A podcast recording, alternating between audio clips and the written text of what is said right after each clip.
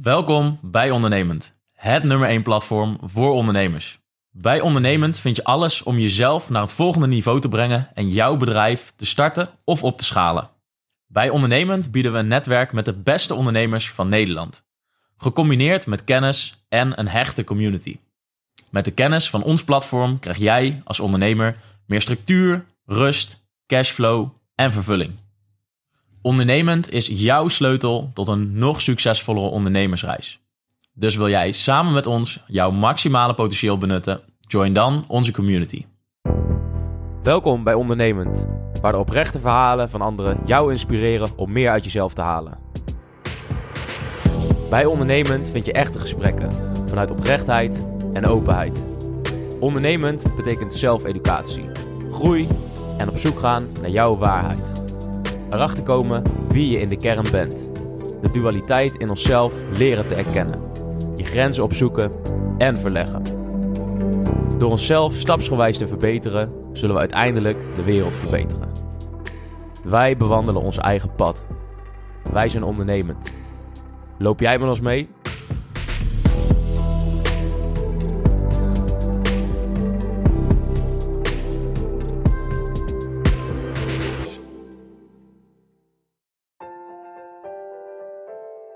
Dus als ik met klanten werk, wil ik samen iets doen.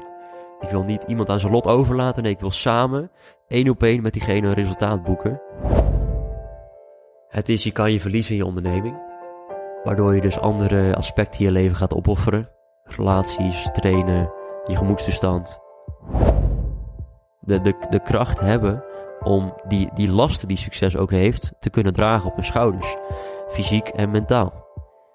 En dat zie je dus bij, bij mijn doelgroep, de, jonge online ondernemers, zie ik dat wel heel veel in terug.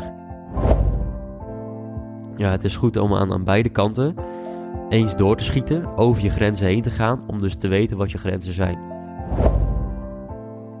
Lieve luisteraars, welkom bij een nieuwe aflevering van Ondernemend, de podcast. Ik ben David Wunderink en uh, nou, ik ben vandaag uh, een stukje door het land gereisd om naar een hele bijzondere gast te gaan. Ik heb zelf al uh, een stuk historie met hem en uh, een traject achter de rug van nou, meer dan zes maanden. Um, hij is onder andere coach voor online ondernemers. Hij heeft meer dan vijf jaar ervaring als, als online ondernemer zelf. En hij is ook betrokken bij De Nieuwe Lichting en Tibor.nl. Jeff Jeroense, welkom in de podcast. Ja, David, dankjewel. Leuk dat ik bij jou te gast mag zijn in de podcast. En jij natuurlijk hier thuis op kantoor. Ja, ja super mooi dat we het gesprek samen kunnen, kunnen voeren. Ik denk dat het wel heel, uh, heel leuk is om uh, onze luisteraars een stukje insights te geven in uh, hoe jij werkt met je klanten, waar je vandaan komt als ondernemer. En ook wat je allemaal hebt geleerd bij, bij Tibor.nl. En ook wat wij natuurlijk allemaal samen hebben meegemaakt in het coachingstraject. En ja, wat de lessen zijn die daaruit uit, uitgeleerd zijn. Tuurlijk. Dus um, ja, dan zou ik je eigenlijk willen beginnen met de vragen van waar kom je vandaan als ondernemer? Ja, hoe lang ben je al bezig? Waar, waar ben je eigenlijk begonnen? Mooie vraag om, uh, om natuurlijk direct te duiken. Ik ben zo'n uh, zo'n kleine vijf jaar geleden ben ik begonnen. En toen ik begon, zat ik nog op school. Ik, uh, ik had net mijn VWO afgerond. En ik twijfelde heel erg van, hé, hey, ga ik nu studeren? En alles in mijn lichaam en in, in mijn hoofd zei van, hé, hey, dat is niet het juiste om te doen. Dus ik had VWO afgerond en iedereen om mijn omgeving vertelde van, ja, je moet naar de universiteit gaan. Er zijn heel veel kansen, er is heel veel zekerheid en dat is het pad wat je moet bewandelen. Maar alles in mijn systeem zei van nee, dit is niet het pad wat, wat ik wil afnemen. En toen ben ik naar gaan zoeken naar hey, welke, welke opties zijn er nog meer mogelijk. En ik stuit al heel gauw op online ondernemen. En dat, dat zal ongetwijfeld zijn een advertentie die jij ook uh, of de kijker ooit uh, tegen bent gekomen. En dat begon met een, een cursus uit, uh, uit Engeland destijds. Over van hoe kun je een, een online marketingbureau starten. En op een of andere manier trok het mijn aandacht. Ook omdat het een bedrijf was wat je kon beginnen waardoor je ook vaardigheden en skills zou leren. Je leerde te verkopen, je leerde uh, advertenties runnen, je leerde branding, communicatie, een, een team beginnen. En iets als dropshipping of e-commerce of forex trading of, of wat dan ook, dat trok mij niet zo, omdat je daar geen skills in leert. Tuurlijk zul je gaandeweg wel wat leren, maar je leert niet de skills die ook bij een echt fysiek bedrijf of traditioneel bedrijf ook heel belangrijk zijn. Dus ik zag die cursus voorbij komen. Ik zag een vervelende advertentie voorbij komen van iemand die niet heel vervelend was. En ik dook daarin. Ik begon dus een social media marketingbureau of een online marketingbureau destijds uh, eind 2017. En vanuit daar uh, heb ik dat een half jaar gedaan. waar ik dus advertenties runde voor e-commerce nemers. En ik merkte al gauw van, hey, dit is ook niet helemaal mijn pad. Het is dichter bij het pad wat ik werkelijk wil bewandelen. Dus wel het, het pad van ondernemen en, en online ondernemen. En dan specifiek online dienstverlening. Maar het is nog steeds een pad wat eigenlijk iemand anders mij heeft opgelegd. Dus een advertentie die er voorbij zien komen. Waarbij iemand aan jou vertelt van, hey, dit is het pad. Deze cursus moet je afnemen en dit model moet je doen om succesvol te worden of om uh, een mooie onderneming neer te zetten. Dus vanuit daaruit besloot ik een andere richting op te gaan en wat, wat specifieker te gaan. En dat werd online content creatie. Dus meer een online mediabedrijf. Dus niet meer de advertenties runnen en puur met data bezig te zijn. Maar ook echt om uh, uh, films te maken en, en videografie te doen. En uh, andere ondernemers te filmen. Tot aan uh, wat, wat grotere saaiere bedrijven, tot aan MKB'ers of ZZP'ers of freelancers. En vanaf jongs af aan vond ik filmen en videografie en fotografie en YouTube altijd al heel gaaf. Dus toen destijds uh, heb ik besloten daar dus uh, ja, dat serieuzer op te pikken. En dus echt uh, jezelf te investeren in, in videografie spullen en daar toen mee te beginnen. Weet je, om met videografie te beginnen, dat was niet makkelijk, want ik wilde wel de juiste spullen daarvoor hebben om grotere klanten aan te trekken. Dus ook in die periode heb ik weer een baan in loondienst erbij genomen. Dus toen ik 18, 19 was, toen heb ik zo'n half jaar lang heb ik, bij een glasbedrijf gewerkt. Of een klein half jaar lang. Waarin ik 45 à 50 uur in de week werkte in, uh, in ploegendiensten. Met bijzondere mensen. Met mensen die verslaafd waren. Met mensen die een bepaald verleden hadden. Dus niet altijd de, de leukste mensen om mee te werken. Maar het gaf je wel weer een beeld waar je ook weer heel veel van kon leren. En ik heb daar drie maanden uh, minimaal moeten werken om een bepaald bedrag te kunnen verdienen. En in die periode naast het werken daar, moest ik gewoon in de avonduren en de tijd dat ik dus niet werkte, aan mijn onderneming zitten. Dus in die periode heb ik zeker wel weken van 60, 70, 80 uur moeten maken. Met weinig slaap, met het weinig zien van mijn vrienden, die 18, 19, 20 zijn. En lol maken en het normale leven hebben. Maar dat was voor mij wel een opoffering om uh, die spullen te kunnen krijgen. Om uh, het serieuzer te maken, doordat ik dus serieuzere spullen had. En vanuit daar dus andere klanten aan kon trekken en uh, door kon groeien. Ja. Dus dat is een, een, lange uitleg van het begin een beetje. Ja. ja. Dus toen heb je geld verzameld, heb je die spullen gekocht. En toen ben je eigenlijk zelf uh, gewoon uh, in je eentje eigenlijk uh, content gaan schieten. En bij mensen video's maken en editen, et cetera. Ja, en dat begon voor hele lage tarieven, waar, waar heel veel uur in zat. En zo kon ik dat langzaam steeds wat meer opbouwen. Waarbij je echt begint bij de, de plaatselijke sportschool waar je langs gaat, in het dorp. Tot aan ja, wat grotere, saaiere, traditionele bedrijven, maar die meer budget hebben te besteden, met grotere casussen bezig zijn. En waardoor je ook langer met ze kan samenwerken, waardoor je ja, wel eindelijk van, uh, van kan gaan leven. Ja, en toen in het, uh, in het begin heb je toen die, uh, dat video maken naast je baan gedaan uh, een tijdje? Ja, dus zeker wel drie tot zes maanden lang had ik dus die, die baan die ik oprecht verschrikkelijk vond. Van, er waren dagen dat ik ja, negen moest werken en gewoon ging uitrekenen, ja, hoeveel minuten zijn dat? En dat ik gewoon soms een uur lang ja, de minuten of de secondes ging tellen. Omdat ik het zo verschrikkelijk vond om te doen. Maar dat moest ik zeker wel drie tot zes maanden doen om puur die spullen te hebben. En wanneer ik dat geld had, vooral die spullen die ik wilde kopen. Nou ja, jij weet het ook als geen ander. Van uh, cameraspullen kunnen flink aantikken. Wanneer ik dat had, toen pas stopte ik en kon ik ja, al ingaan op dat videografiebedrijf. Ja. Met betere spullen, beter budget en, en meer ruimte om in tijd om daar vol voor te gaan. Ja, en dat was toen de tijd toen je dus uh, ja, rond de 20 was, 1920. Ja, dus ik, ik denk begin 19 inderdaad. Soms nu wat lastig om terug te kijken. Maar dat is uh, ja, zeker 3,5 à 4 jaar geleden. Ja. En zat die, uh, die wens of die drang om te ondernemen, zat dat er altijd al in? Of is dat pas nadat je klaar was met de middelbare school gekomen?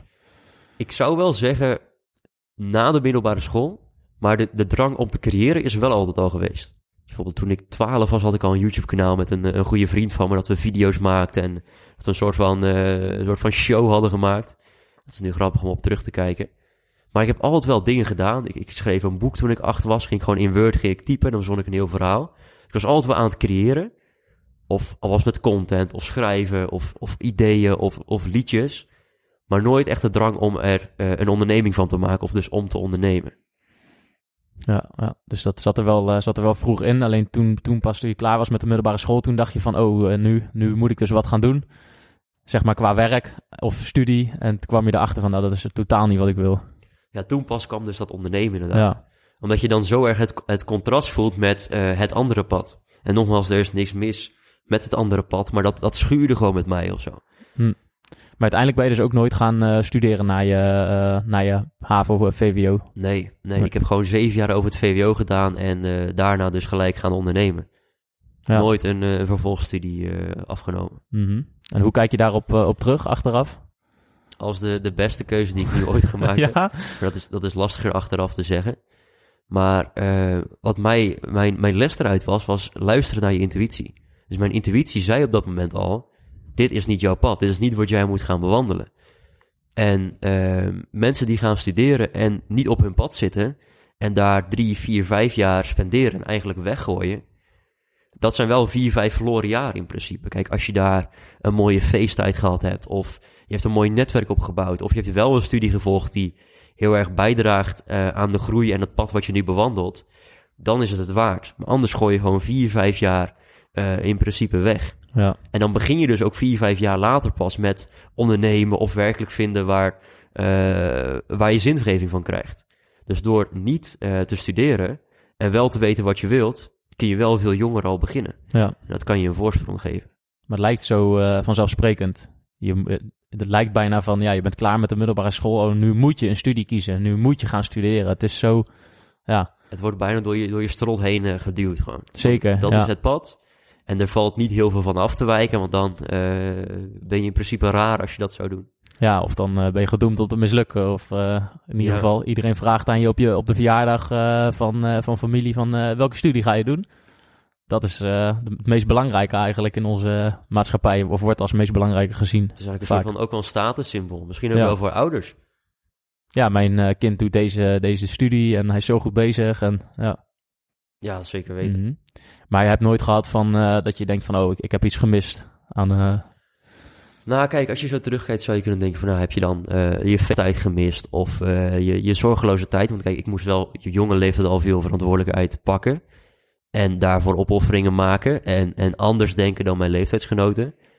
Maar tegelijkertijd, kijk, al wil je feesttijd... dan, dan kun je altijd naar een, een Lorette Mar vijf dagen gaan of een week. Daar hoef je in mijn ogen niet vier jaar voor te studeren. Of als je ehm, nieuwe mensen wil leren kennen... En dan kan je ook zeggen, ik ga drie of zes maanden ga ik de wereld over reizen? Of ga ik in een heel ander land, ga ik bij een, een gastgezin wonen? Dan leer je ook een nieuwe cultuur kennen of leer je ook nieuwe mensen kennen. Dus ik zie het niet als eh, een, een gemis van ja, je levert er op bepaalde dingen op in, maar ik, ik mis er niks nee, uit. Nee. het enige wat je mist is een studieschuld. Ja, ja, dat zeker. Ja, Ja, ah, dat is natuurlijk ook een mooie bijkomstigheid van eh, voor heel veel mensen. Kijk, de studie is dan, natuurlijk, er is geen goed of fout, maar studie is vaak gewoon een logische eh, keuze. Ik heb ook gestudeerd, eh, HBO gedaan en daarna zelfs nog een master gedaan. Ehm, alleen als je niet uitkijkt, blijf je natuurlijk wel achter met een mooie titel, alleen ook een heleboel studieschuld. Dat is in mijn geval gelukkig niet zo. Alleen ja, als je, als je niet uitkijkt, ben je dus vijf, zes, zeven jaar verder. Heb je in die tijd niks verdiend. Natuurlijk, heel veel mensen die kunnen er wel iets mee gaan doen. Alleen er zijn ook heel veel mensen, ja, die komen gewoon in een normale baan terecht. En die doen niet echt wat met wat ze gestudeerd hebben. Maar wel, hebben wel, zeg maar, dat, eh, ja, dat blok aan het been van die schuld. en dat is heel zonde. Dat Ja. De investering die je gemaakt hebt geen, geen rendement gaat geven. Als jij die investering maakt, en misschien is het 10.000, 15.000, maar je hebt daardoor een, een baan die jou zingeving geeft en, en groeimogelijkheden geeft. Kijk, dan zou het een prima investering zijn. Dan kun je het op de lange termijn terugverdienen. Maar als je korte termijn investeert en op de lange termijn ga je het ook niet terugverdienen, dan is dat heel erg zonde. Mhm. Niet alleen in geld, maar ook in een tijdsinvestering. Als je daar vier, vijf, zes jaar aan committeert, dat is flinke hoeveelheid tijd en honderden of misschien wel duizenden uren die daarin zitten. Zeker. Daar kijken mensen niet eens naar. Vaak alleen maar naar de studieschuld. Ja. Eigenlijk, de, ja, je moet ook kijken naar de totale kosten, ook de tijd die het kost. Ja, Ja, zeker. Ja, Mhm. ja dat is toch eh, dus, ja, is dat best wel een belangrijk onderdeel. Dus ik vind het ook wel leuk om daarom eh, even te bespreken van hoe je daar eh, tegenaan kijkt. En ja, wat dus het andere, het andere pad ook is, wat eventueel gevolgd kan worden. en over dat andere pad wordt niet heel veel gesproken. Nee. Nee, en het is, eh, het is denk ik ook, ook een kwestie van... eh, er wordt gewoon een bepaalde verwachting neergezet van... eh, ja, na je, na je middelbare school, ja, wat ga je dan doen? Ja, heel logisch, studeren. Dus dat, er is bijna geen andere keuze. En daarnaast is het denk ik ook gewoon een kwestie van... heel vaak, je bent zo jong dat je eigenlijk helemaal niet weet... Ja, wat je wil doen in deze wereld. Wie je wil zijn, wa- wat je leuk vindt. Eh, dus ja, dan ga je, ga je maar studeren, eigenlijk in feite. Ja, het is ook heel lastig om een, een keuze te maken over eh, jouw visie, jouw toekomst, als je jezelf nog niet kent. Als je nog niet de tools hebt ge- gekregen op school of daarbuiten om jezelf te leren kennen. Als je jezelf niet kent, weet je ook niet wat je wilt voor jezelf. Ja. Dus ja, we worden, we worden bijna gedwongen een keuze te maken voor onze toekomst, voor vijf jaar, tien jaar, twintig jaar. Terwijl we geen idee hebben wie we zelf in dit moment nu zijn. Dus dan weet je Mhm. ook niet wat je werkelijk diep van binnen wilt. En, Ja. we- en wat jij dus wilt. Dus niet een overtuiging van je moeder, van je vader, van eh, het nieuws, de media, van Instagram, van de influencer die je volgt, van, van een vriendje van school die iets heeft verteld. Maar gewoon echt hetgene wat jij diep van binnen wilt. Ja, ja 100%. En dat is wel denk ik een belangrijk onderscheid om eh, te maken. Vaak denk je dat je iets wil, maar is het ook, is het ook een bepaalde rol die je in gaat vullen omdat je denkt dat iemand anders dat van je denkt of van je verwacht. En dan, ja, omdat je jezelf dan niet goed genoeg kent, dan denk je dat je een bepaalde keuze wil maken, maar dat is eigenlijk dan het verhaal wat je voor iemand anders aan het, eh, aan het eh, invullen bent. Ja, het is gewoon een soort van een overtuiging die in jouw systeem is, eh, is ingeprent of erin gekomen Ja, gaandeweg de jaren. En ook lastig terug te traceren waar dat dan precies vandaan kwam. Het is Ja. heel lastig om te weten van hey, welke gedachten die je nu hebt, van zijn die werkelijk van jou of zijn die weer ergens, komen die weer ergens vandaan? Ja. 9 van de 10 keer komen die ergens vandaan. Ook die van mij natuurlijk, nu nog steeds. Maar het is wel goed om te weten, hey, is het inderdaad eh, iets wat ik wil of is het wat de ander wil? Of een ander wil? Ja, en dat is misschien ook een mooi, eh, een mooi sprongetje wat je daarin kan maken. Kijk, dat zijn natuurlijk dingen wat, wat ik in ieder geval heel erg, waar ik achter ben gekomen, is dat dat, dat zijn juist de dingen die je niet op school leert. Dus eh, hoe je moet ondernemen, hoe je met jezelf omgaat, zeg maar, ja, wie je echt bent, hoe je met je gedachten omgaat. Dat zijn eigenlijk juist de dingen die je mist op school. En die je in het leven daarna pas echt gaat leren als je de, de wereld ingaat en gaat doen. Ja, 100%. Ja. Dat is misschien ook een mooi bruggetje naar eh, waar we het straks misschien over kunnen hebben. De nieuwe lichting, wat dat eh, betekent voor, eh, voor jongeren die eigenlijk hetzelfde meemaken als waar we het nu over hebben. Tuurlijk. En nog voor de, voor de nieuwe lichting, je bent dus begonnen met, die, ja, met eigenlijk video's maken en editen. Ehm, ja, wat is er toen allemaal gebeurd en hoe ben je vanuit daar weer verder gegaan?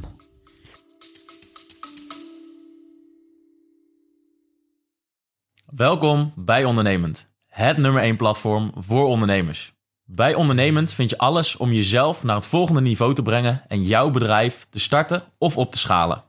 Bij Ondernemend bieden we een netwerk met de beste ondernemers van Nederland. Gecombineerd met kennis en een hechte community. Met de kennis van ons platform krijg jij als ondernemer meer structuur, rust, cashflow en vervulling. Ondernemend is jouw sleutel tot een nog succesvollere ondernemersreis. Dus wil jij samen met ons jouw maximale potentieel benutten? Join dan onze community. Ja, dus toen op een gegeven moment kreeg ik eh, wat grotere opdrachten. En eh, ja, misschien leuk om heel kort te vertellen. Een van de, de katalysators daarvoor was om grotere opdrachten te krijgen, was dat ik gratis werk deed. En dat ik op een gegeven moment, eh, destijds volgde ik Michael Pilarczyk, dus dat was zo'n 3,5, 4 jaar geleden. En ik zag dat hij op een bepaald event kan spreken, wat buiten zijn normale events was. Dus hij kon een gastlezing geven. En toen dacht ik van, hé, hey, hij zal waarschijnlijk nog geen cameraman of videograaf daarvoor hebben. Dus wat nou als ik hem een DM stuur? Ik had hem ook een mail gestuurd. Ik had zijn, zijn vrouw had ik een, een DM gestuurd. Die ging gewoon iedereen af. Ik dacht, hé, hey, laat ik maximaal inzetten in plaats van eh, op één paard of één, eh, één platform. Ik had hem dus een DM gestuurd eh, met gewoon een bericht van... hey, tof dat je daar eh, een, een lezing komt geven. Ik volg je nu een tijdje. Ik haal er veel inspiratie uit. Zou ik een keer gratis jou kunnen filmen? Eh, ik hoef er helemaal niks voor terug. Ik zou er gewoon graag willen, bij willen zijn. Ik zal het editen voor je en na, na afloop eh, naar je opsturen. Dus ik bij verbazing kreeg binnen een uur een, een DM van hem terug, van hemzelf. Ik natuurlijk in shock destijds op, op 19-jarige leeftijd. Van hé, hey, dit werkt dus gewoon. Ik naartoe, die dag, die dag filmen. En die dag zelf, tuurlijk leerde ik er heel veel van. Het filmen zelf, eh, daar zijn op zo'n event. Kijken hoe dat in elkaar steekt. Maar na afloop, ehm, zo'n naam helpt je ook weer. En dat je zo'n naam aan je, je portefeuille kan toevoegen. En dat je eh, ja, dat op je website kan vermelden. En dat hij het ook toen ging delen toen ik die video had gepost. Dat zorgde voor mij ervoor dat ik nieuwe opdrachten kon krijgen. Grotere opdrachten kon krijgen. En die les leerde mij wel van ja, gratis werk doen voor de juiste men- mensen. En je komt makkelijker ergens binnen. Want ja, het, kost eh, niks voor die ander. Maar het gaat jezelf, eh het gaat je een hoop leren. Het gaat je meer skills opleveren. Het gaat je groter netwerk opleveren. En op lange termijn ga je er ook weer andere opdrachten door krijgen. Dus weer lang verhaal kort, maar dat is dus een bruggetje naar eh, grotere opdrachten. Toen op een gegeven moment heb ik de switch gemaakt meer naar coaching. Dus ik zat heel erg in die online ondernemerswereld. Ik ging met meer andere online ondernemers werken. Ik ging voor hen videomaterie doen. En ik ging ook eh, in een bedrijf werken. Bijvoorbeeld, eh, het begon met dat ik alleen dan video's schoot. Vervolgens ging ik ook de video's editen. Vervolgens merkte zij van, hey, je hebt dus ook ervaring met funnels bouwen bijvoorbeeld. Want ik had ook die cursus twee jaar daarvoor eh, gevolgd. Toen zei ze van, hey, je kan ook wel funnels maken. Je zou ook wel normale websites kunnen maken. Je zou ook wel onze community in Facebook kunnen beheren, want daar heb je zelf ook de jaren daarvoor in gezeten. Je zou ook wel e-mailmarketing kunnen opzetten of een automatisatie. En zo ging ik dus van eerst videograaf, wat heel leuk was, naar eh, steeds meer verschillende taken. Naar en, eh, een community beheren of een, een, eh, een nieuwe sales funnel opzetten. Of uiteindelijk ook verkoopgesprekken voeren voor dus degene die dan een cursus of een coaching direct verkocht. En zo leerde ik dus ook gaandeweg nog meer skills dan die ik voorheen had geleerd. En die skills kun je ook weer allemaal, of vaardigheden, op elkaar stapelen. Dus bijvoorbeeld alleen eh, sales leren of alleen videografie aan het begin had nog niet heel veel waarde. Maar toen ik er funnels bij kon voegen of, of websites maken of een community beheren, kun je dat allemaal op elkaar stapelen. En word je als eh, destijds eh, werknemer steeds waardevol voor mensen. Dus ik ging dus van ondernemen naar echt binnen dus die bedrijven ehm, ja, als freelancer werken. Dus ik had dan gewoon een, een vaste opdracht per maand voor een vaste hoeveelheid uren. Het gaf me dus wel de zekerheid, maar ik kon er ook flink in doorgroeien. Ja. En vanuit daar op een gegeven moment de switch gemaakt naar eh, coaching, mindset coaching. Want ik merkte, hey, die online ondernemers hebben eh, meerdere problemen. Van ja, eh, ze hebben een mooi bedrijf opgezet. Ja, ze verdienen geld. En soms veel te snel, daar kunnen we later nog op komen. Maar ik merkte vooral van, hey, mentaal gezien eh, zijn er nog dingen waar ze veel winst op kunnen behalen. Dus aan de ene kant mentaal gezien op het gebied van gewoon hun geloofsovertuigingen. Ehm, aan de andere zijde op het gebied van structuur. Anderzijds hoe ze zichzelf zagen van, hey, als hun bedrijf heel snel groeide, soms groeiden ze zelf als persoon niet even snel mee. En dan was een draagkracht eigenlijk daartussen was niet mee ontwikkeld. Dus zij waren misschien in één keer keer twee gegaan, of in één keer keer vijf gegaan. In omzet, medewerkers, winst, eh, eh, welke KPI je ook wil gebruiken. Maar henzelf als persoon was niet zo snel gegroeid. Dus daardoor merkte je ook van, ja, of ze gaven veel te veel geld uit. Of ze werden onrustig, of ze hadden te veel stress, of ze werden onzeker. Of ze kenden zichzelf gewoon niet. Dus door met hun eh, één op één coaching calls te doen of fysiek met ze te zitten, probeerde ik ze goede vragen te stellen, ze beter leren kennen, ze te spiegelen, ze te laten nadenken over zichzelf, waar ze werkelijk heen wilden. En dat was gewoon iets wat ik al lang, al, al heel die tijd al, al heel tof vond. Gewoon het coachen, eh, met, met mensen gesprekken voeren, eh, mensen oprecht proberen te helpen. Want toen ik eh, ja, vanaf mijn 14e, 15e was ik altijd al die vriend die met mensen ging zitten en dat mensen soms voor advies kwamen of, of wat dan ook. Ik weet niet of het altijd eh, het juiste advies was destijds. Maar ik kon altijd wel voor mensen een, een luisterend oor zijn en eh, met ze meedenken of puur, puur naar ze luisteren. Dus ik merkte gelijk met coaching van hey, toen ik dat ging doen, dus toen zijn we alweer twee of drie bedrijfsmodellen verder.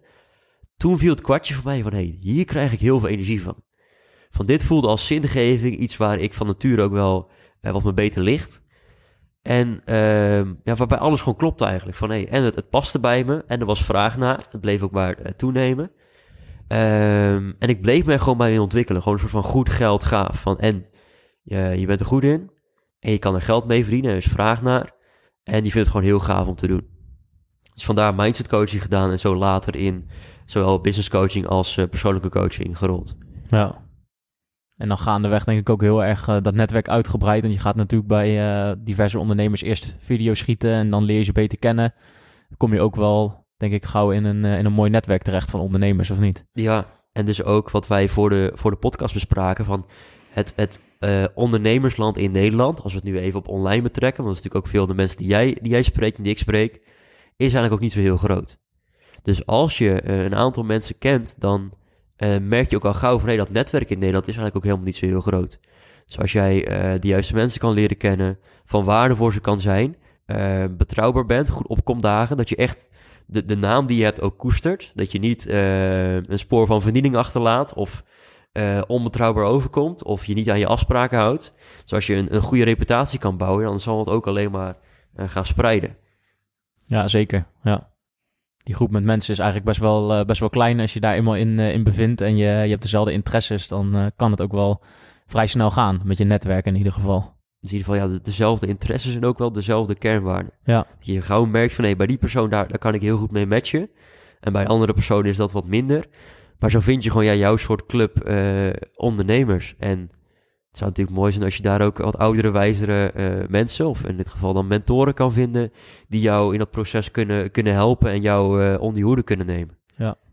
En eh, je noemde net kernwaarden. Zou je daar iets over willen vertellen? Wat, wat zijn kernwaarden en hoe ja, vind je die bij jezelf? En wat zijn jouw kernwaarden?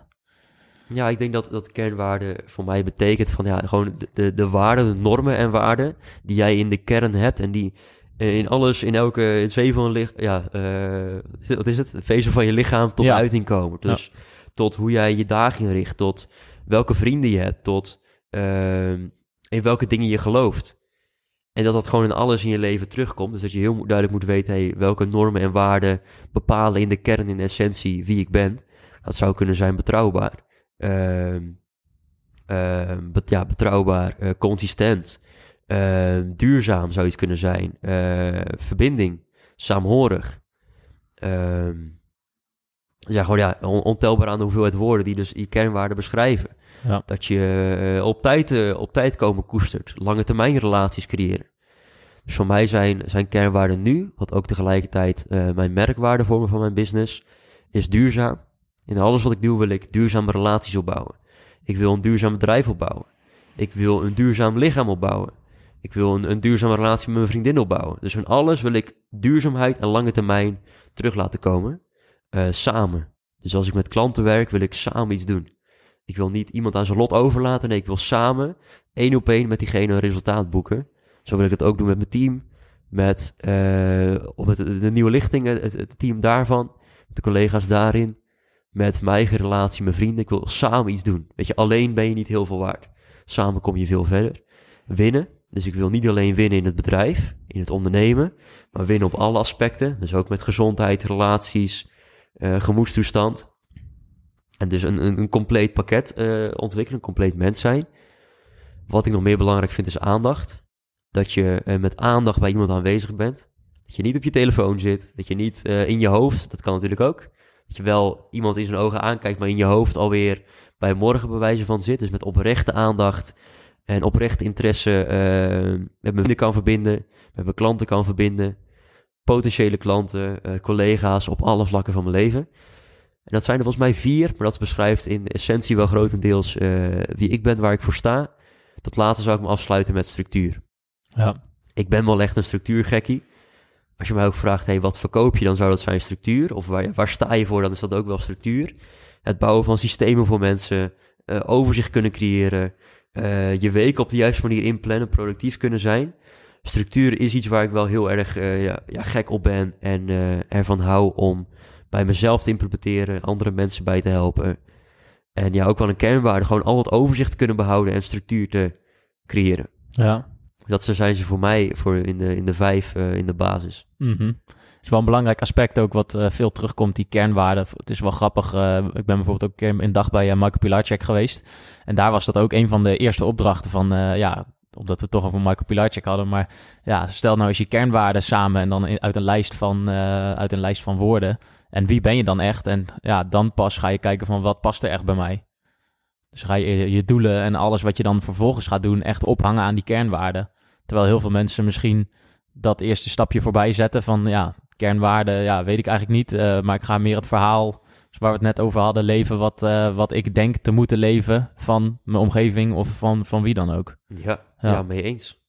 Dus overal eh, is het belangrijk om eerst naar die kernwaarden op zoek te gaan. Omdat je dan minder geleid zal worden. En dan, dan kom je ook dus op plekken terecht. En ik kom er ook niet bij toeval terecht. Die dus bij jou passen. En dan weet je ook veel beter, hey, die kans daar, of die, die, die eh, eh, potentiële samenwerking met die klant, of die vriendschap, of eh, die liefdesrelatie, van hey, dat past wel of niet bij mij. Mhm. Of daar moet ik wel ja tegen zeggen, of daar moet ik juist nee tegen zeggen. Want je weet wie jij dus in de kern bent. Eh, en daar zul je natuurlijk over tijd veel beter eh achterkomen. Ik ben nu 23, dus dat zal over tijd ook veel meer gaan groeien.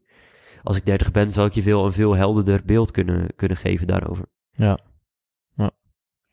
Ja, dat is, een, eh, is wel een interessante. Je bent nu eh, 23, eh, zeg je. Hoe, hoe is dat om, eh, om zo jong ook mensen, mensen te coachen? Wat bij mij dus wel fijn is, is dat ik dus wel mensen help die, die in principe in mijn leeftijdsgroep zitten of in levensfase zitten. Dus doordat ik ook dat eerder zei van ja, heel veel mensen studeren natuurlijk eerst tot 4, 25. Dat is vooral natuurlijk als je eh, VWO doet, universiteit, HBO, kan je ook natuurlijk heel lang bezig zijn. En die beginnen dan pas met het ondernemen. Dus ik begon op 18, als ze 24 beginnen, kan ik daarop wel eh, in, in leeftijd zes jaar verder zijn. Dus ik trek wel vaak eh, klanten aan die dan eind 20 zijn eerder. Maar het zijn wel mensen die in dezelfde levensfase zitten. Ik heb ook wel eens een enkeling, een klant van 45 of een, ja, ook een vrouwelijke klant van 48. Maar dat is niet de norm. De norm zijn wel weer mensen die, die mijn leeftijd hebben. En eh, die kampen met dezelfde problemen die ik gehad heb of die ik bij heel veel van mijn klanten zie. Daardoor kan ik ze wel met eh, dezelfde dingen steeds helpen. En wat zijn terugkerende problemen dan, die je bijvoorbeeld zelf hebt, eh, hebt meegemaakt? Het is, je kan je verliezen in je onderneming. Waardoor je dus andere aspecten in je leven gaat opofferen. Relaties, trainen, je gemoedstoestand. Eh, klinkt heel, heel, heel, heel diep woord gelijk, maar je ziel. Dat je dus trouw aan jezelf bent en eh, je verliest in of het snelle geld verdienen. Dat is bij mij niet zo'n probleem geweest, maar wel die eerder dingen. Dat je dus zo opgaat in je werk, omdat je het leuk vindt en je ziet de groei erin, dat je gewoon de andere aspecten gaat vergeten. Ehm, wat ik ook veel zie is onrust. Dat mensen te veel chaos hebben in hun bedrijf, in hun agenda. eh, en dus het overzicht verliezen. Waar we onze onrust krijgen in hun hoofd. Ehm, en niet meer een, een toekomstvisie hebben voor hun business. Dus daarbij komt de structuur eh, ja, mooi van te pas. Structuur is daarop gewoon een oplossing voor, voor heel veel vlakken. Ja. Mhm. Dus dat is ook een van de dingen die je dan met jouw eh, klanten doet. Structuur aanbrengen. Ja, echt, structuur is wel gewoon in essentie gewoon dat woord, structuur. Gewoon Ja. structuur in je dagen, structuur in je business, structuur in eh, de toekomstvisie die je voor jezelf hebt. Structuur is, ja, ik hou ervan. Ja, ja dat merk ik. Ik gemerkt. En hoe kan een, eh, hoe kan een startende ondernemer bijvoorbeeld eh, meer structuur aanbrengen? Want ik kan me voorstellen als je net start met ondernemen, bijvoorbeeld eh, onze leeftijd of jonger, je begint ergens. wat voor dingen kan die doen om effectiever te werken of met meer structuur te werken? Ja, het eerste wat ik voor iemand sowieso zou willen is dat hij richting heeft. Dat het hoeft niet een, een grootse missie te zijn gelijk om de, om de wereld te willen redden. Maar het kan simpelweg beginnen met, hey, wat zou je over een jaar willen? Wat zou je over drie jaar willen? Dat je een bepaalde visie hebt. Visie betekent natuurlijk letterlijk eh, visionair in de toekomst kunnen kijken. Maar dat je zicht hebt op de toekomst. Dus hey, wat zou je over een jaar willen? Wat zou je over een drie jaar willen? Wat zou je over een jaar of tien willen? En dat je dus daar stapsmatig vast een plan voor hebt. Dus hey, over een jaar zou ik naar dit bedrijfspand willen groeien? Of zou ik dat soort klanten willen helpen? Of zou ik deze omzet willen draaien? En over drie jaar zou ik dat willen doen. Dat je alvast een, een richting hebt voor jezelf om naartoe te werken. Dat geeft je al wat, wat overzicht. De structuur eerst op richting. Ten tweede simpelweg op bedrijfssystemen. Dus allereerst wil je gewoon een steengoede propositie hebben. Waarbij je dus weet van hé, welke specifieke doelgroep help ik? Daarnaast welk urgent en groot probleem hebben zij? En tot slot in mijn oplossing daarvan, welke drie dingen zijn daarin onderscheidend? Dus gewoon dat je in de basis een hele goede propositie hebt. En daarnaast in je product-ecosysteem. Dat je een, een klantreis creëert waarbij je allemaal producten hebt die in volgorde eh, jouw doelgroep kan afnemen. Dat ze bijvoorbeeld eerst een, een gratis product hebben, dan een instapproduct voor een paar tientjes of een ander andere prijsklasse. Dat ze dan een kernproduct af kunnen nemen, wat werkelijk het probleem oplost. En dan tot slot dat ze in een product voor klanten kunnen komen, bijvoorbeeld een community of eh, in mijn geval een mastermind. Of een ander subscriptiemodel, maar dat ze binnen jouw ecosysteem kunnen blijven, omdat ze het gewoon tof vinden wat jij eh, diegene eh hebt opgeleverd. En dat ze dus nog, eh, als het ware, ja, binnen jouw, jouw, jouw klantenkring kunnen, kunnen blijven. Dus dat is dan product ecosysteem. Verder wil je structuur brengen in je woorden. Dus in je communicatiecanvas. Dat je kort, concreet en duidelijk de juiste woorden kan gebruiken om je ideale klanten aan te trekken. Dat je geen ellenlange website hoeft te hebben of een ellenlange pitch hoeft te geven als iemand simpelweg aan je vraagt, hey, wat doe jij precies met je bedrijf? Ja. Dus dat zijn dan al, al, drie uh, echt systemen van product ecosysteem, propositie en een, een communicatiecanvas. En dat zal dus al, al structuur brengen, in ieder geval in het bedrijf zelf. Dat is nog los van de persoon, maar wel in dat bedrijf zelf in ieder geval. Ja. Mhm. Dus dat is eigenlijk de structuur die je aanbrengt met iemand. Je kijkt naar het uh, product-ecosysteem en uh, dan, dan loop je eigenlijk die, die stappen door, zodat zijn waardepropositie goed is, de doelgroep goed in kaart is. En zo breng je meer structuur eerst in de visie en dan in de uitvoering. Dus dan ga je het weer terugbrengen naar de uitvoering in, in dagelijkse uh, praktijk. Ja, 100%. Ja. En gewoon het, zeker het hebben van een goede pro propositie en dan daarnaast een product-ecosysteem. Dat is iets wat ik bij dus veel ondernemers zie dat ze missen. En dat neerzetten, die twee dingen, dat is heel waardevol om te hebben. Omdat je daar gewoon jaren op verder kan bouwen. Dus weer dat duurzame, dat je daar gewoon ja, drie tot vijf jaar uh, hetzelfde kan blijven doen. En dat je niet steeds jaar op jaar iets anders hoeft te doen. Ja.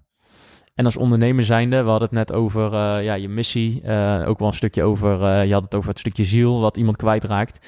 Ehm, soms kun je natuurlijk ook doelen stellen of een bepaald pad uitstippelen. En dan kom je erachter dat het niet, niet jouw pad is. Hoe help jij ondernemers daarmee? Of hoe kun je deze valkuil voorkomen? Of is dit iets wat, wat vaker gebeurt en wat niet te voorkomen is? Nou, wanneer jij een, pad bewandelt wat niet bij jou past, dan zul je dat op heel veel verschillende manieren merken. Je merkt het in je zingeving. Je merkt het in als je ochtends wakker wordt, hoeveel energie en zin je hebt om die dag uh, te starten en weer aan je bedrijf te werken. Je kan het aan je lichaam merken. Je lichaam kan je signalen geven. Je kan onderrugpijn krijgen. Je kan schouderklachten krijgen. Omdat je de, de lasten die je letterlijk draagt te groot voor je zijn of niet bij jou passen. Dus of je gaat mentaal signalen krijgen van ik heb er weinig zin in. Dat je denkt, hé, hey, het is weer zo'n dag, ik moet vandaag er weer tegenaan. Um, je kan het merken in ja, je gemoedstoestand dus. Maar het zou dus ook fysiek kunnen zijn. Dat je gewoon letterlijk merkt aan je lichaam dat je klachten krijgt. Pijntjes uh, die niks te maken hebben met het sporten of met wat dan ook. Ja. Maar vaak sluipt het er ook in. Dat je de onderneming om een bepaalde reden bent begonnen een jaar geleden, drie jaar geleden, vijf jaar beginnen en dat, geleden. En dat dag tot dag het bedrijf steeds meer verandert. Of wordt er groots voor je. Of je trekt net een ander soort klant aan die je eigenlijk aan het begin niet had willen hebben. En dan langzaamaan verandert het zo, ja, zo langzaam, dag tot dag, dat je een jaar verder bent, drie jaar verder bent en denkt van hé, hey, ik heb eigenlijk nu al een paar weken op rij gehad dat ik er helemaal geen zin in heb. Mm. Of ik voel nu aan mijn lichaam dat ik echt even uh, een time-out nodig heb. Ja, dus dat verschil ga je uiteindelijk ergens in merken. Ja. Ja. Het hoeft niet altijd leuk te zijn, maar er moet wel zingeving achter zitten. Het moet nut hebben. Niet elke taak in je bedrijf moet leuk zijn en er moet passie zijn en er helemaal van opladen. Maar er moet wel nut achter zitten voor jou en zin achter zitten waarom je dit doet. Dus Ja. als kan het zijn dat je eh, een landingspagina moet schrijven, je hebt er een hekel aan dat te doen, maar je weet wel, hey, als ik deze landingspagina goed schrijf en ik ga er echt even goed voor zitten, kan ik die ideale klanten aantrekken en kan ik die mensen echt helpen met hetgene waar ze nu problemen uh, op hebben. En kan ik echt een verschil gaan maken in de wereld voor die ene doelgroep. Ja, dat is het denk ik heel vaak van, uh, ja, als je een business hebt, er zijn altijd aspecten die je niet leuk vindt. Ook al vind je, zeg maar, de, de uitvoering van de main taak wel leuk, kan het natuurlijk altijd zijn, ja, er komt altijd van alles bij kijken. Uh, boekhouding, allerlei dingen die je ook wel weer kan uitbesteden, deels. Maar in het begin natuurlijk sowieso deels ook niet. Ja, en, en zeker van ja, welk niveau je ook komt. Dus je, je zult altijd rottaken hebben. Ja, Maar als je dan dat nut erachter kan zien, dat maakt het alweer meer behapbaar. ja mooi. Mhm. En uh, we hadden het net ook nog, uh, nog eventjes heel kort over, uh, over de nieuwe lichting. En we hebben het gehad over uh, studeren en de hele, hele mikmak en hoe, hoe zeg maar ons ja, sociale systeem in elkaar zit. Um, lijkt me wel leuk om daar tussendoor even kort, kort op, op in te gaan. Um, ja, je bent actief betrokken bij de nieuwe lichting. Zou je daar iets over willen vertellen van wat jullie, wat jullie daar doen? Ja, tuurlijk. Dus de nieuwe lichting is oorspronkelijk opgericht door Tibor, Tibor Olgers van Tibor.nl. Dat is ook mijn mentor geweest, waar ik uh, zo'n ruim twee jaar geleden alweer mentorschap bij heb gevolgd. Dat is voor mij een, een kans geweest waar ik gigantisch veel van, van heb geleerd. Waarin ik ja, met hem mee heb mogen lopen en heel veel over vakinhoudelijk coach heb geleerd. En echt heb kunnen zien van, hey, hoe gaat nou eh, een echte vakman eh, te werk? En iemand die gewoon 20 jaar ervaring heeft in psychologie, mensenlezen, uh, business coaching. En dat is wel echt een kans waar ik gewoon tot de dag van vandaag super, super dankbaar voor ben. En ook weet van ja, een bepaalde groei die ik nu heb kunnen maken, ja, dat komt ook gewoon voor een deel gewoon door dat mentorschap. En voor die kans die ik daar toen, toen kreeg. Maar na dat mentorschap, dat was zes maanden lang. Ehm, toen zijn we de nieuwe lichting gestart. Dus Tibor was het al begonnen. En dat stond echt nog in de, in de kinderschoenen. Er waren nog geen klanten, het was puur het idee. En toen zijn we dat gestart met dus Tibor, met uh, Joram Olgers, broertje van Tibor, en met uh, Zonneke destijds. Mhm. En dat is nu alweer ruim twee jaar geleden, denk ik. Dus dat was echt in de kinderschoenen. En dat bedrijf, dus een nieuwe lichting, uh, betekent simpelweg van een, een alternatief bieden voor het schoolsysteem. Om dus jongeren tussen de 17 en 24 jaar, dus zowel een jongerenprogramma als een meidenprogramma, ze alles te leren wat ze op school hadden moeten leren. Over gezondheid, relaties, uh, het geldsysteem, ondernemerschap en nog belangrijker over zichzelf. En dus dat, als je het had over het begin van deze uh, podcast, van ja, leren wat je niet op school moet leren, dat is letterlijk dat programma. Het is bizar wat die jongeren in het drie maand programma wat ze daar kunnen volgen, leren en hoe ze daar binnenkomen en na afloop eruit lopen. Weet je, in dat programma zitten, uh, zit een bekende kickbox trainer in. Er zitten uh, onder, succesvolle ondernemers in die lezingen komen geven. Er zitten uh, oud-militairen in, crossfit trainers in. Er zitten relatiecoaches in. Er zitten gewoon op alle vlakken die ja, pijlers van het leven die werkelijk belangrijk zijn. Zijn gewoon experts, bewezen experts. Geen, geen leraar die, zichzelf, die zelf niet dat pad bewandeld heeft. Die komen daar lesgeven en die komen daar die jongeren helpen. En dat vind ik echt een, een super vet initiatief. Ik kwam er dus in als uh, iemand die in een organisatie zat, zo'n twee jaar geleden. En nu, twee jaar later, uh, werk ik nog als coach. Dus ik zit daar niet meer in als in de organisatie. Ik mag er nog wel aan, uh, aan bijdragen en ik, ik doe coachsessies. Ik kan daar Zoom masterclasses in geven. En ik ben er altijd bij bij de, de start- en eindweekenden. Maar dat is wel echt een bijzonder programma. Ja. Gewoon bijzonder om te zien hoe, hoe, hoe hard dat gegroeid is. Hoeveel vraag er naar is. Nou, dat is op zich niet zo bijzonder in, in een tijd van nu en hetgene wat het oplost. Maar dat is mooi werk. Weet je, Ja. dat, dat programma maakt eh, echt een verschil. Ja, Ja, dat is precies dat gat waar we het eigenlijk in het begin over hadden. Van, ja, waar je eigenlijk een soort van invalt van je ja, middelbare school, dan ben je klaar. En dan eh, moet je eigenlijk eh, gaan studeren, de wijde wereld in, precies weten wat je wil. En eigenlijk nou juist alle dingen die je in het echte leven nodig hebt, die leer je niet op school. Tenminste, dat, dat, is mijn ervaring wel. Ook na een master bijvoorbeeld. Ja, dat is heel leuk, heel mooi, heel theoretisch. En eh, het is allemaal, eh, hoe verder je gaat leren, hoe theoretischer het wordt. En hoe meer je eigenlijk ook wordt geleerd om in kaders te denken. Wat soms eigenlijk helemaal niet, eh, niet positief is. Alleen de echte belangrijke dingen, ja, hoe je geld investeert, hoe je onderneemt, hoe je geld verdient ook. Dat, dat leer je daar gewoon niet. Gewoon niks. dat is zo dubbel. Hè? Dat Ja. je dan eh, duizenden uren daar hebt geïnvesteerd. Hmm. Zoals als je kijkt, basisschool, middelbare school, een vervolgstudie.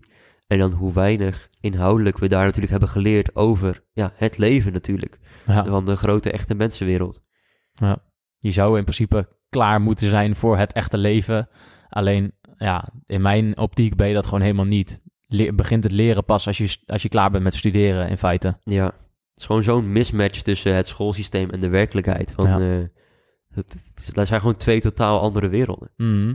Ja, en ik, tenminste zelf vind ik dat ook wel... Het is deels ook een nadeel als je gestudeerd hebt. Omdat, ja, wat ik zeg, je, gaat, je leert wel heel erg eh, lineair denken, zeg maar. Je leert alles heel erg eh, kapot analyseren. Tuurlijk, je leert ook wel modellen en bepaalde dingen die handig zijn om te weten. Bepaalde berekeningen met economie en andere zaken. Alleen, je wordt ook heel erg geleerd om binnen de hokjes en binnen de kaders van de mogelijkheden te denken. En ja, het is ook een soort van limiterend voor je creativiteit, als je niet uitkijkt.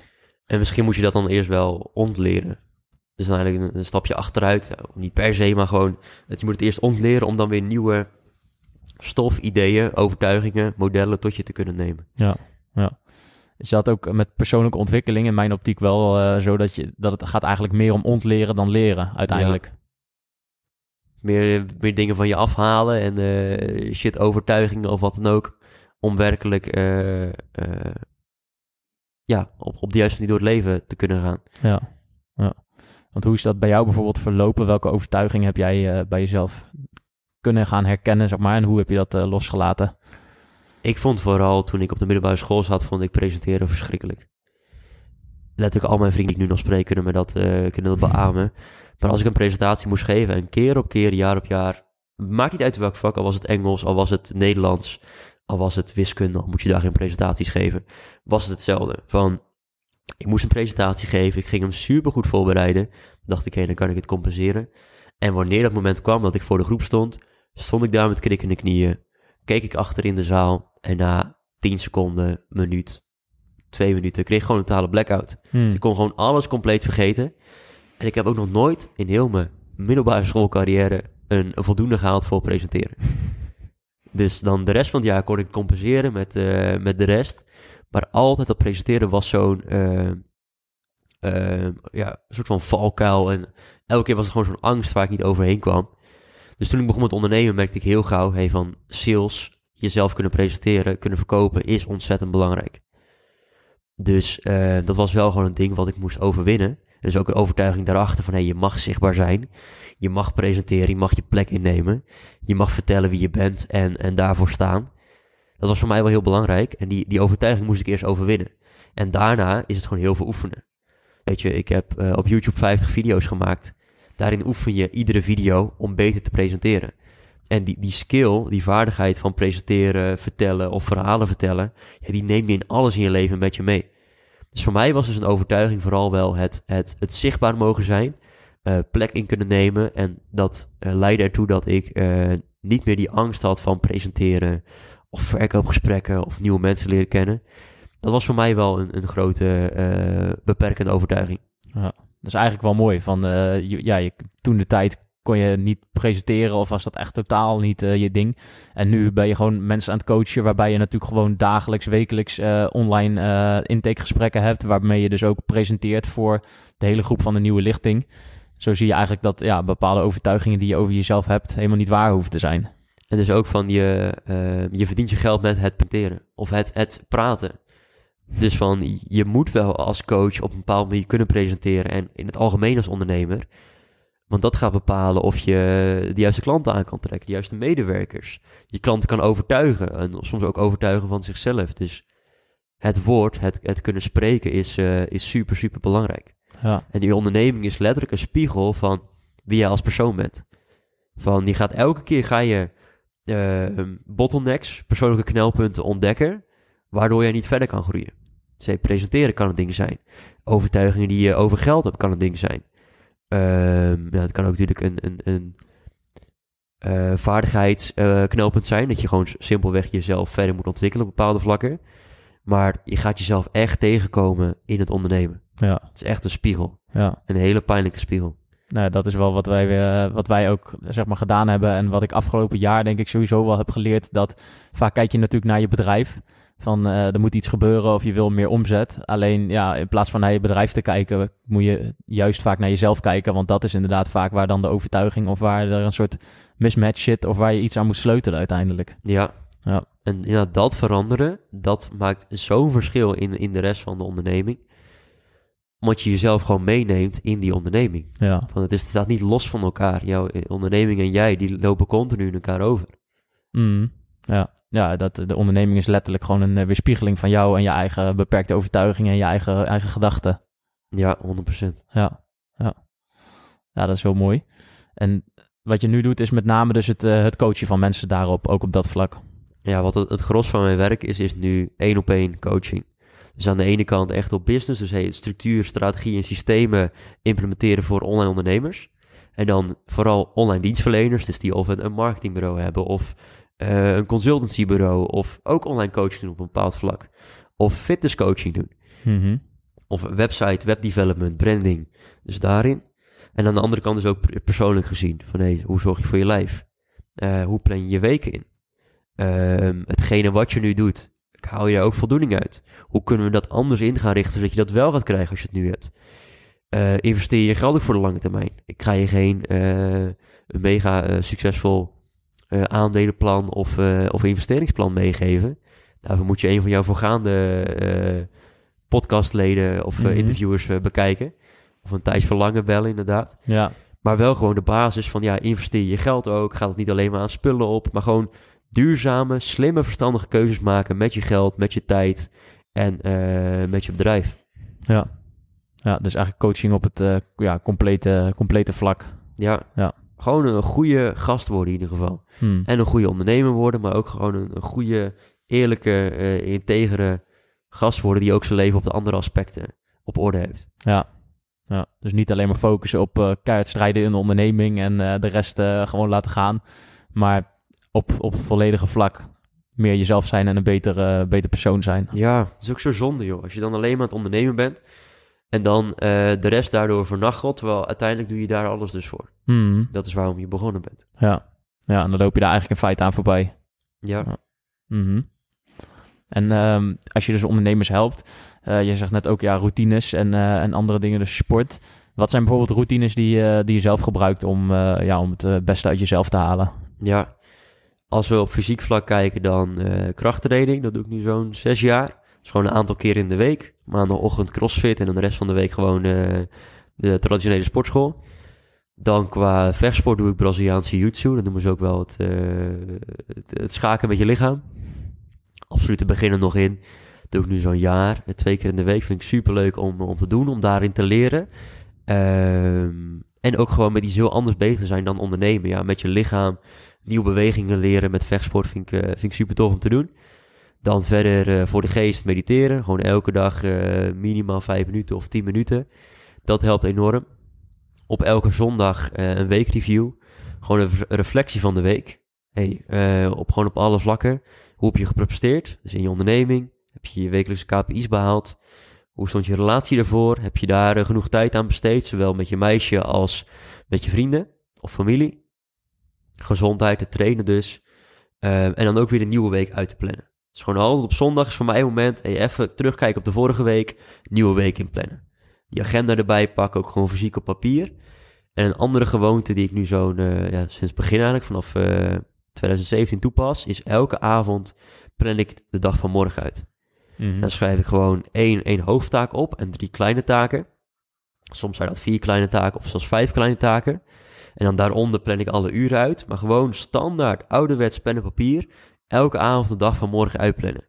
Gewoon welke taak moet sowieso gedaan worden. Die, die ene taak die echt belangrijk is van het boek van eh, Gary Keller, The One Thing. En dan daar drie kleine of vijf kleine taken onder. Dat geeft je heel veel rust als je naar bed gaat. Dan kan je je hoofd uitzetten. Ben je niet nog aan het ratelen en aan het nadenken over wat je morgen weer moet doen of welke to-do's allemaal openstaan. En je bent gewoon elke dag ben je kleine stappen aan het maken. En dat, dat, dat stapelt gewoon op over de weken, over de maanden, over de jaren. En dan maak je gewoon elke dag eh, maak je vooruitgang met dingen die werkelijk voor jou belangrijk zijn. Ja, Dus dat zijn ja, een aantal pijlers of gewoontes die mij wel veel helpen. ja. Ik denk dat dat ook wel het belangrijkste is. Dat je heel vaak vergeet wat je, wat je kan doen op lange termijn. Dat we heel vaak kijken van, eh, ja, je wil binnen een paar dagen zoveel mogelijk bereiken. Alleen als je gewoon elke dag eh, gewoon inderdaad die belangrijkste taak uitvoert, dan heb je binnen een jaar zoveel gedaan. En dan, dan pas ga je natuurlijk echt groeien, maar echt pas op lange termijn. En dat hoeft ook niet zo snel. Ja, Liever gewoon een hele goede fundering neerzetten. Van, van jezelf, maar ook van, het- van het bedrijf. En dan heb je daar eh, jaren of tientallen jaren profijt van. Het hoeft niet zo snel. Ja. hoeft niet in één klap. Dan moet alles eh, in één keer staan. En dan moet je in één, eh, eh, heel veel omzet in één keer binnenhalen. Van dat kan gewoon langzaamaan over tijd gaan. Van liever langzaam en goed dan snel maar eh, en slordig. ja. En net wat jij zegt, dat op een gegeven moment kun je zo hard groeien dat de persoon eigenlijk helemaal niet meegegroeid is met de situatie. Waardoor je ook misschien een, eh, ja, een hele harde val weer kan krijgen. Dat ze gewoon letterlijk de draagkracht niet hebben mee ontwikkeld. Dat ze gewoon niet de, de, de kracht hebben om die, die lasten die succes ook heeft te kunnen dragen op hun schouders. Fysiek en mentaal. En dat zie je dus bij, bij mijn doelgroep, de, de jonge online ondernemers, zie ik dat wel heel veel in terug. Mhm. En dat zou je er bij, eh, ja, bij wat traditionele ondernemers of die wat ouder zijn, ja, die zijn misschien wel 10, 15 jaar eerst bezig geweest voordat het een beetje begon te lopen. Voordat ze een keer in één keer wat harder zijn gaan groeien. Terwijl mijn niche, mijn branche, zij kunnen in een jaar, twee jaar, soms in één keer door het dak gaan. En dat, dat is gewoon in heel veel andere branches dat helemaal niet mogelijk. Omdat in die branches van online ondernemen, ehm, daarop zitten minder eh, limieten. In de zin van als ze iets in software beginnen, of in dropshipping, of eh, een, bijvoorbeeld een cursus lanceren, dat is veel schaalbaarder. Waarbij je dus eh, je in korte tijd veel sneller kan schalen. Dat zie je natuurlijk heel vaak voorbij komen. Hoe, hoe snel kan jij schalen? Of keer tien gaan. Eh, maar dat komt ook met heel veel persoonlijke gevolgen of consequenties. Ja. En die zijn ook heel belangrijk om, om rekening mee te houden. Dus dat je als persoon ook meegroeit met, met de situatie, inderdaad. Ja, en dat, dat kan bijna niet als je in een korte tijd zo hard gaat. Of vijf keer je jaaromzet, eh vijf keer in jaaromzet groeit. Of sommige mensen tien keer. Of natuurlijk de crypto-ondernemers, daar zie je het veel mee. Dat ze op een muntje zijn ingestapt. Dat het muntje keer, keer 10, keer 50 of keer 100 is gegaan. Jij kan niet als persoon in een jaar keer 10 of keer 50, keer 100 gaan. Dat, dat kan gewoon niet. Mm. Dat is niet duurzaam. Dat is niet te doen. Ja, ja. Dus dat moet je weer eh, op een bepaald moment inhalen dan. Ja, en wat je dus zegt, dan ga je op een gegeven moment een val maken. Dan ga je jezelf daarin omlaag trekken. Dan gaat die onderneming waarschijnlijk zakken. Of je gaat persoonlijk in een, in een val vallen van dat je denkt van nee, ik, ik trek dit niet meer. Of mijn lichaam trekt het niet. Of mentaal, mentaal trek ik dit niet meer. Maar altijd gaat eh, je lichaam, de natuur, het universum, wat dan ook, gaat het wel een keer recht trekken. Ja. Je kan niet een uitschieter maken en dat eh, behouden als je niet het persoonlijke werk ook hebt gedaan. Mhm. Ja. ja, dat is wel een hele mooie. En eh, tijdens die coaching eh, die je doet met, eh, met mensen, je- ja, je ziet natuurlijk vaak ondernemers heel gedisciplineerd zijn en best wel ook wel soms hard voor zichzelf zijn. Hoe coach je mensen daarin op dat vlak? Hoe, hoe werkt dat in de, in de praktijk? Dus inderdaad, hey, de discipline, de structuur, de productiviteit, super, super belangrijk. Maar het moet wel gezond zijn. Dus je hebt nu ook een hele stroming van eh, toxische productiviteit, noemen ze het ook wel. Van, hey, en je moet om vier uur opstaan. En je moet dat ijsbad doen. En je moet nog even een, een, eh, een half uur gaan hardlopen. En dan mediteren en journalen. En eh yoga oefeningen doen. En zo zijn sommige mensen 2,5 uur ochtends bezig... voordat ze überhaupt met hun werkdag gaan beginnen. En dan zit je in een modus van heel erg van moeten en van forceren. Dat voelt voor mij niet juist. Dus mensen moeten wel weten van hé, hey, het moet wel gezond zijn qua productiviteit wat je aan het doen bent. Dus verzin gewoontes en disciplines die jij jarenlang kan toepassen en die niet als moeten voelen. Mhm. Dus bijvoorbeeld eh, als je wil sporten, verzin een sport die je ook leuk vindt om te doen. Ja. Heb je ook zin in om heen te gaan. Doe het met mensen waar je ook, waar je ook een goede klik mee hebt. Ga naar een, een, een- heb je een trainer waar je, waar je plezier van krijgt, dat je van, van hem kan leren. En dat je niet een, een sport moet doen, eh, omdat het moet. Of omdat Instagram dat verteld heeft. Dus ga sowieso bewegen, maar verzin ook een leuke vorm van bewegen. Mhm. Eh, een voedingspatroon, kies eentje uit die bij jou past. Een ochtendroutine is, is super waardevol, maar eentje die voor jou duurzaam is, die, die leuk is om te doen en eh, die ook in je werkweek past. Weet je, verzin bijvoorbeeld een ochtendroutine die een kwartiertje duurt of 20 minuten duurt. Dat kun je gewoon iedere dag blijven doen, ook over vier jaar, over tien jaar. En is niet iets wat je nu even 90 dagen doet, helemaal Ja. forceren, helemaal op kracht. Oh, ik moet dit doen. En dan daarna ehm, eh, schiet je er weer uit of raak je weer die, die gewoonte los. Mhm. Omdat het gewoon te veel was, niet bij jou paste en te veel forceren en moeten was. Ja. Dus inderdaad, het is wel vinden bij mensen. En dat is het vooral. Welke routines passen bij jou? En welke structuur past bij jou en is ook in je agenda eh, nog te doen? Ja. En vooral niet te veel doen. Nee, precies. kleine dingetjes doen die je elke dag doet. En die kleine dingen gaan we opstapelen. Mhm. Ja. Dat is denk ik sowieso. Alleen in het begin is het misschien wel goed om ooit als je begint aan jezelf aan te tonen dat je gedisciplineerd bent, zeg maar. Voor sommige mensen is natuurlijk ja, die stap van eh, ja, misschien luiheid of eh, tegen jezelf zeggen van ah, het is wel goed zo, die stap te maken naar heel erg gedisciplineerd en dan schiet je misschien even door, waar, waarna je dat dan weer wat afzwakt en wat meer naar soeplessen gaat dan alleen maar kracht. Ja, het is goed om aan, aan beide kanten eens door te schieten, over je grenzen heen te gaan, om dus te weten wat je grenzen zijn. Dus de grens kan dus zijn aan de ene kant wat je, ja, vrijheid. Dat je te veel doorschiet in geen routines hebben, eh, alles maar op zijn beloop laten gebeuren. En dan merk je daar de consequenties van, want je, je zal gewoon eh, minder resultaat boeken in je business. Maar aan de andere kant, wat je dus inderdaad heel goed zegt, van dat je doorschiet in de structuur, in de productiviteit, in alle kaders. En waardoor je ook merkt van, hé, dit is te veel. Mhm. Van dat structuur niet meer eh, op de juiste manier wordt ingezet. Dus je moet inderdaad ook weten van wat, wat soms de grenzen zijn om binnen de grenzen te kunnen blijven. Ja. die moet je wel uitvinden voor jezelf. Dus uit de bocht vliegen is dan ook niet erg om dat af en toe te doen. Ja, als je daarna weer bijstuurt. Ja. Ja. Dat je niet dan eh, in de berm blijft liggen. Mhm. ja, precies. Ja, ja. Zo weer fouten maken is niet erg, zolang je maar weer opslaat. En, ja, en, en dus leert van die fout. Ja. En dus weet, hey, wat zat er achter die fout? Wat heb ik daarin fout gedaan? En dus eh, datgene eh, gaat meenemen en gaat toepassen in alles wat je daarna doet. Dat je ook echt ja, leert van de fouten die je maakt en daar, daar lessen en eh, acties uithaalt. Heel mooi. En ehm, in jouw werk en in jouw dagelijks leven, we hadden het net al over eh, bepaalde kernwaarden, eh, bepaalde dingen die vaak terugkomen. Ehm, ja, wat geeft jou zingeving in het, in het dagelijks leven? Wat, wat mij nu veel zingeving geeft is soort van het vakmanschap achter coaching. Dus gewoon kijkende van als je met iemand één op één zit en een traject aangaat, hoe kan ik gewoon elk onderdeel daarvan beter maken om die persoon meer te kunnen helpen. Dus tot aan ja, het product-ecosysteem, tot aan eh, de geloofsovertuiging van iemand, tot aan zijn, zijn weekagenda inplannen. En gewoon maximaal kijken van hey, de persoon die tegenover mij komt te zitten, al is het fysiek, al is het in een, in een online, online sessie, hoe kan ik hem in dat uur of in die middag maximaal dienen om bij hem een verandering plaats te laten vinden. Dus een verandering in zijn business, oppervlakkig niveau eigenlijk, heel leuk, meer omzet. Maar het liefste een verandering op geloofsovertuiging of karakterniveau. Dat je, dat je iets in hem kan veranderen, waardoor hij eh, de deur uitloopt en daar positief eh, effect van gaat krijgen de komende jaren. Dat er iets in zijn gedrag kan veranderen of een bepaalde klik kan zijn in zijn, eh, in zijn mindset. Maar dat hij gewoon eh, door de tijd die hij met jou heeft gehad, anders in het leven staat de komende jaren. Gewoon een, een, een betere, betere gast is geworden. Al is het maar 1%, maar aan die ene procent, ja, daar heb je dan toch aan bijgedragen. Ja. Dus voor mij is de zingeving nu is echt één op één coachen. Ja, met mensen zitten en, en eh, die gasten, die, die ondernemers eh, beter maken. Mhm. Zowel dus zakelijk als persoonlijk. En daar mijn steentje aan bij te dragen. ja. Hele mooie missie. Thanks. Ja. Ja, en dat is ook wel het, eh, het mooie, denk ik. Dat komt ook wel terug in de, in de coaching. Dat, dat er wel echt oprecht iets wat voor jou belangrijk is. En dat je dus personen ook gewoon, eh, wat je ook al zei, aandacht geeft. En daar echt serieus mee, eh, mee aan de slag gaat. Ja, en dat je er ook wel op een moment van coaching, dat je ook alleen daar maar bezig bent.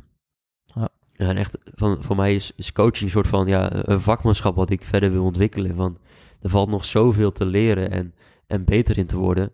En bijvoorbeeld ook als je kijkt naar eh, de middeleeuwen was natuurlijk vakmanschap was echt een, een, een ding daarin. Hmm. Je had natuurlijk mensen die, eh, die gereedschap maakten of die eh, boer waren. Maar je had allemaal verschillende soorten beroepen.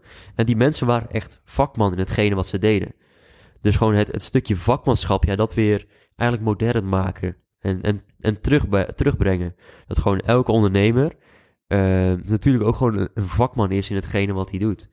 Natuurlijk heel mooi als je dan het stukje vakmanschap en ondernemerschap combineert. Heb je eigenlijk het beste van, van beide werelden.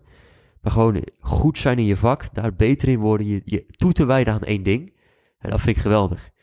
Je hebt ook die, eh, die documentaire Giro Dreams of Sushi. Ik weet niet of je die kent. Nee, ken ik niet. Nee. Dat is een geweldig documentaire van, eh, van Giro Ono. Hij is de, eh, het gezicht van die documentaire.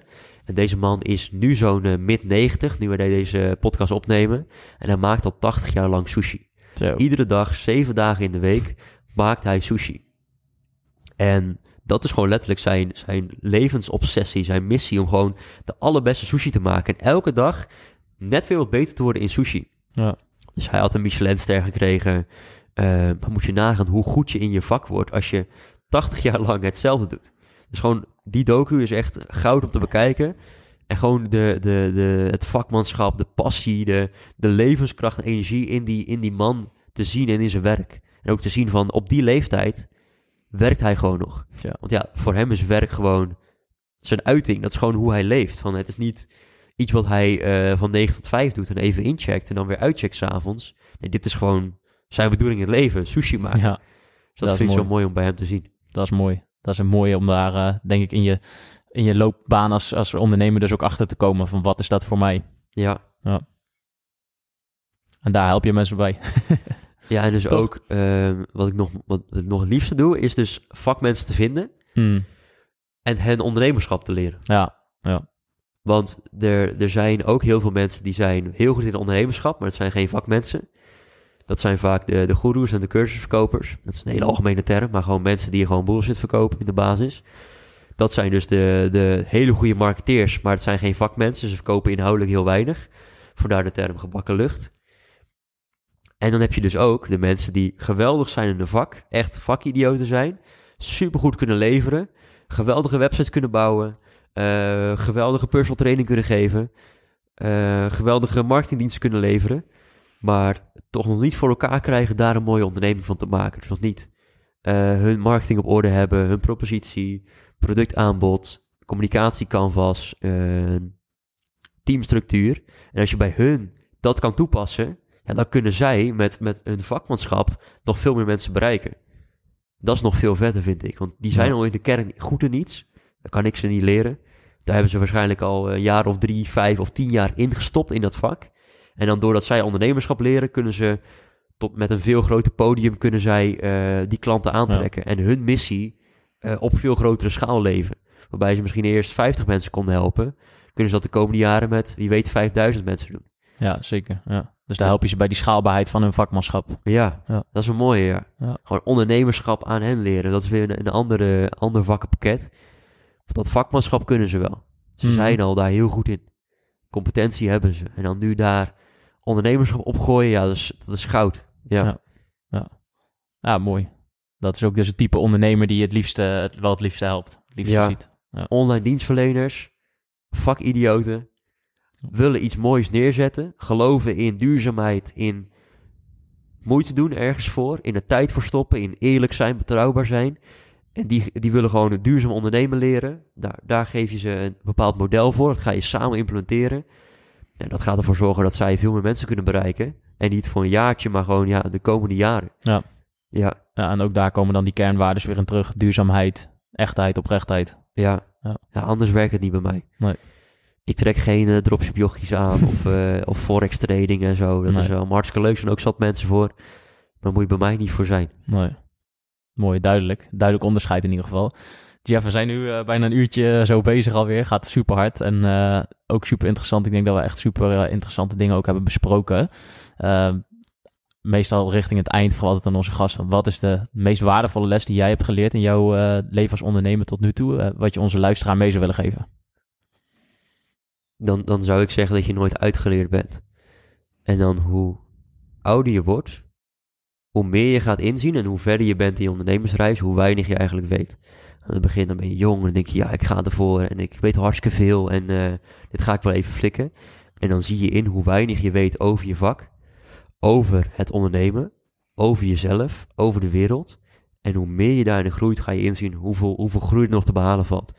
Dus welke leeftijd je ook bent, dat vertelt dan een 23-jarige je, je bent nooit uh, te oud om uit te leren. Er valt altijd meer te leren. En juist de mensen, als ik kijk naar de mensen die ik, uh, waar ik omringd heb mee mogen zijn, van echt tot, tot aan uh, ja, topsporters, weet je, bij de nieuwe lichting, of tot aan succesvolle ondernemers die een, een multimiljoenen exit hebben gemaakt.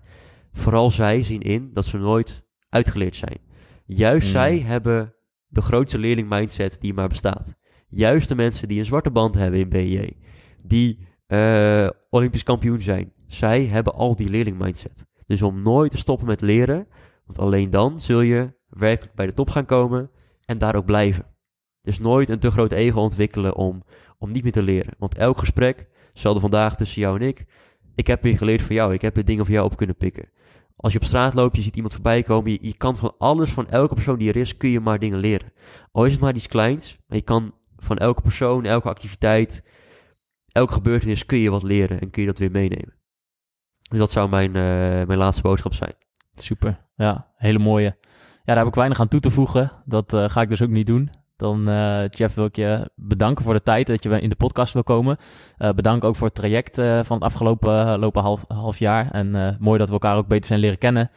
En ik denk dat we tot een heel, op de, voor dit niveau nu even een mooi einde hebben gebracht. En dan wil ik de luisteraar bedanken voor het luisteren naar de podcast. Ik hoop dat jullie er veel aan hebben gehad. Uh, vonden jullie het nou tof? Deel het even met jullie vrienden. Uh, like ons op, op Facebook, Instagram. En deel het vooral met, met vrienden. En spread the word, zou ik zeggen. Jeff, dankjewel. Jij bedankt.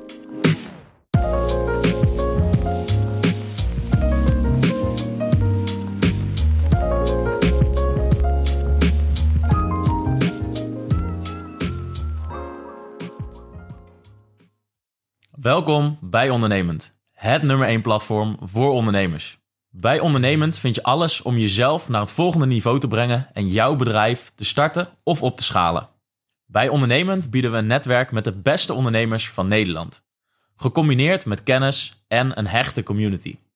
Met de kennis van ons platform krijg jij als ondernemer meer structuur, rust, cashflow en vervulling.